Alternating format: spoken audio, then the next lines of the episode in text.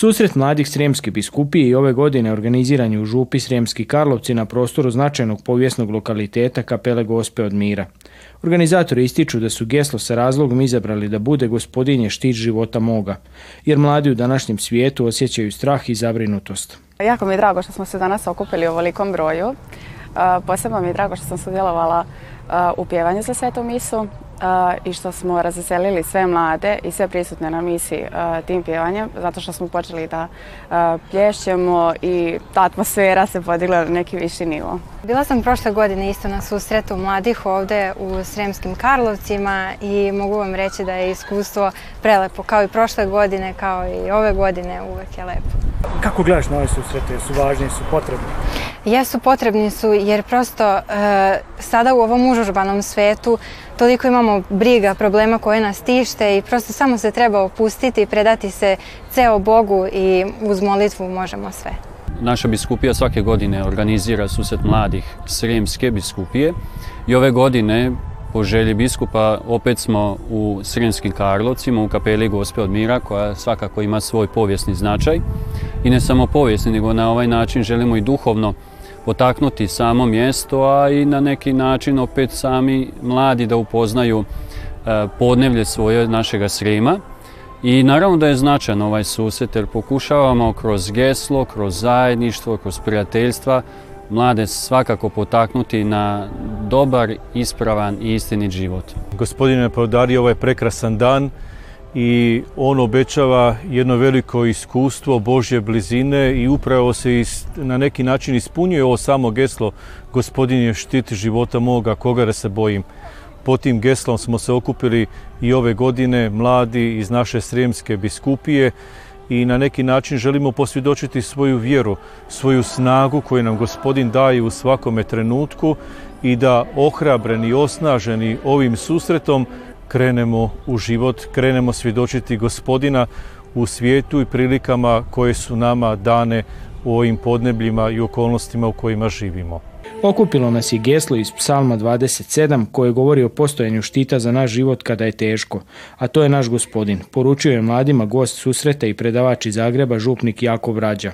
Mi se danas nalazimo pred brojnim izazovima koji nas sa raznih strana mogu poticati da se obeshrabrimo, ali naša je nada utočište, temelj, gospodin, on je štit našega života, ne vanjski štit koji bi nas izolirao od drugih, nego unutarnji štit koji nas potiče da se sa svim raznim situacijama u životu nosimo ne bojeći se, ne strahujući, nego gradeći svoj život na njemu. Iznenađenje i novina ovog 16. susreta mladih sremske biskupije bila je himna susreta, za koju je tekst napisala Ana Umiljanović, a glazbu i aranžman Ivana Velbo i Nives Široki.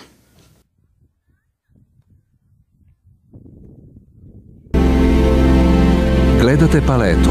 Izbor iz emisija na jezicima nacionalnih zajednica.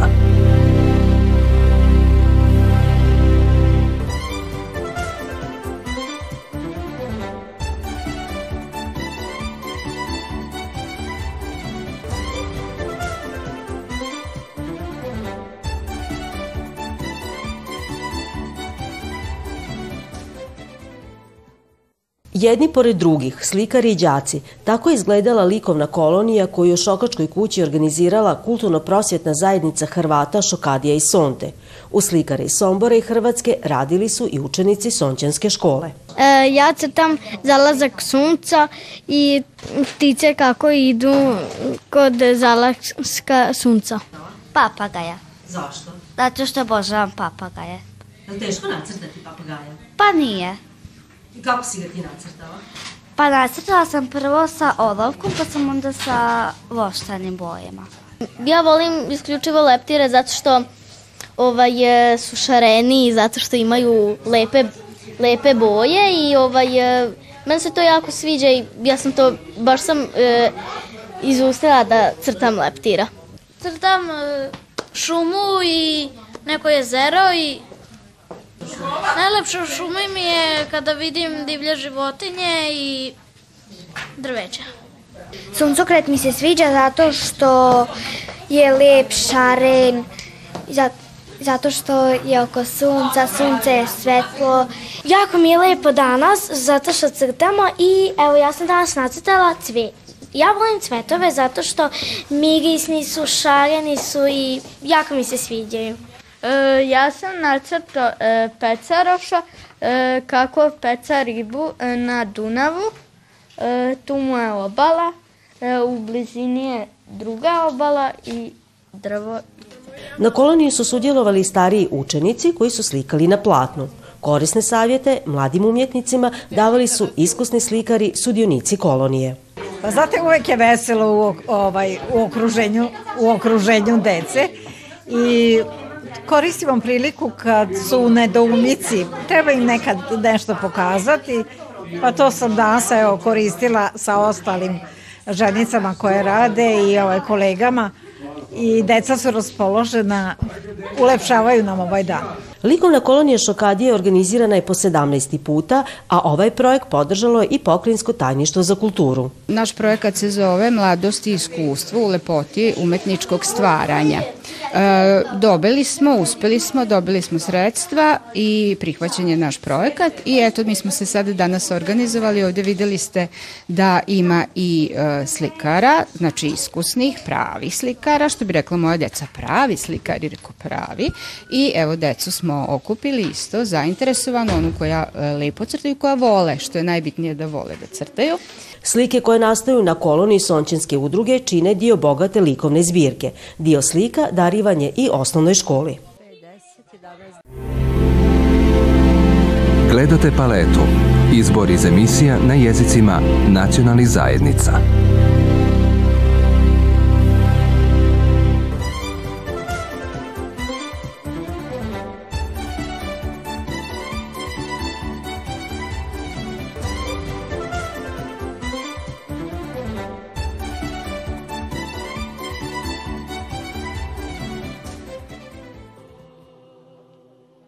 Gotovo 20 godina nogometna reprezentacija hrvatske manjine u Srbiji uspješno nastupa na domaćim regionalnim i europskim natjecanjima. Prezentiramo našu manjinsku zajednicu, a prezentiramo i Srbiju, jer e, svugdje nastupamo pod srpskom zastavom, jer tu živimo. Međutim, dodaje koordinator reprezentacije, svaki odlazak na gostovanje iziskivao silne logističke i financijske napore. Razlog je, objašnjava Petar Kuntić, izostanak potpore ne možem e, kazati da u ovih 20 godina smo bili prihvaćeni kao takvi. E, mi smo nastupali, sve je bilo nešto prećutno, podrška, ali logistika apsolutno skoro ništa i neko priznanje za e, dostojno reprezentovanje države u inostranstvu i Europi nije bilo. Prekretnica za budućnost nogometne momčadi Hrvatske zajednice mogao bi biti jučerašnji sastanak u Ministarstvu sporta Srbije – gdje je izaslanstvo reprezentacije u kojemu su bili Ivan Budimčević i Mio Erceg domaćin bio ministar Zoran Gajić. On s odobravanjem rekao je gleda na planove jačanja suranje nogometnih reprezentacija Hrvatske i Srpske manjine u Srbiji i Hrvatskoj. Prva ovogodišnja utakmica biće odigrana 17. lipnja u Bijelom brdu na domak Osijeka. I ovo je zaista jedan izuzetno koristan korak da ljudi i u Srbiji i u Hrvatskoj, bez obzira koje nacije i vere bili, da žive bolje i kvalitetnije i da naša deca imaju više sreće nego što smo imali i mi i naši roditelji i naši preci. Sport u službi ljubavi, u službi psihofizičkog zdravlja i mislim da nema ništa bolje od sporta što može da zbliži uopšte ljude na zemaljskoj kugli. Tako da maksimalno podržavam svaku ovu ideju. Sve što je institucionalno, za to treba vreme. Tako da ćemo apsolutno raditi na tome, pre svega e, moj kolega Žigmanov i ja, a ovo ćemo svakako pomoći ad hoc, to nije nikakav problem.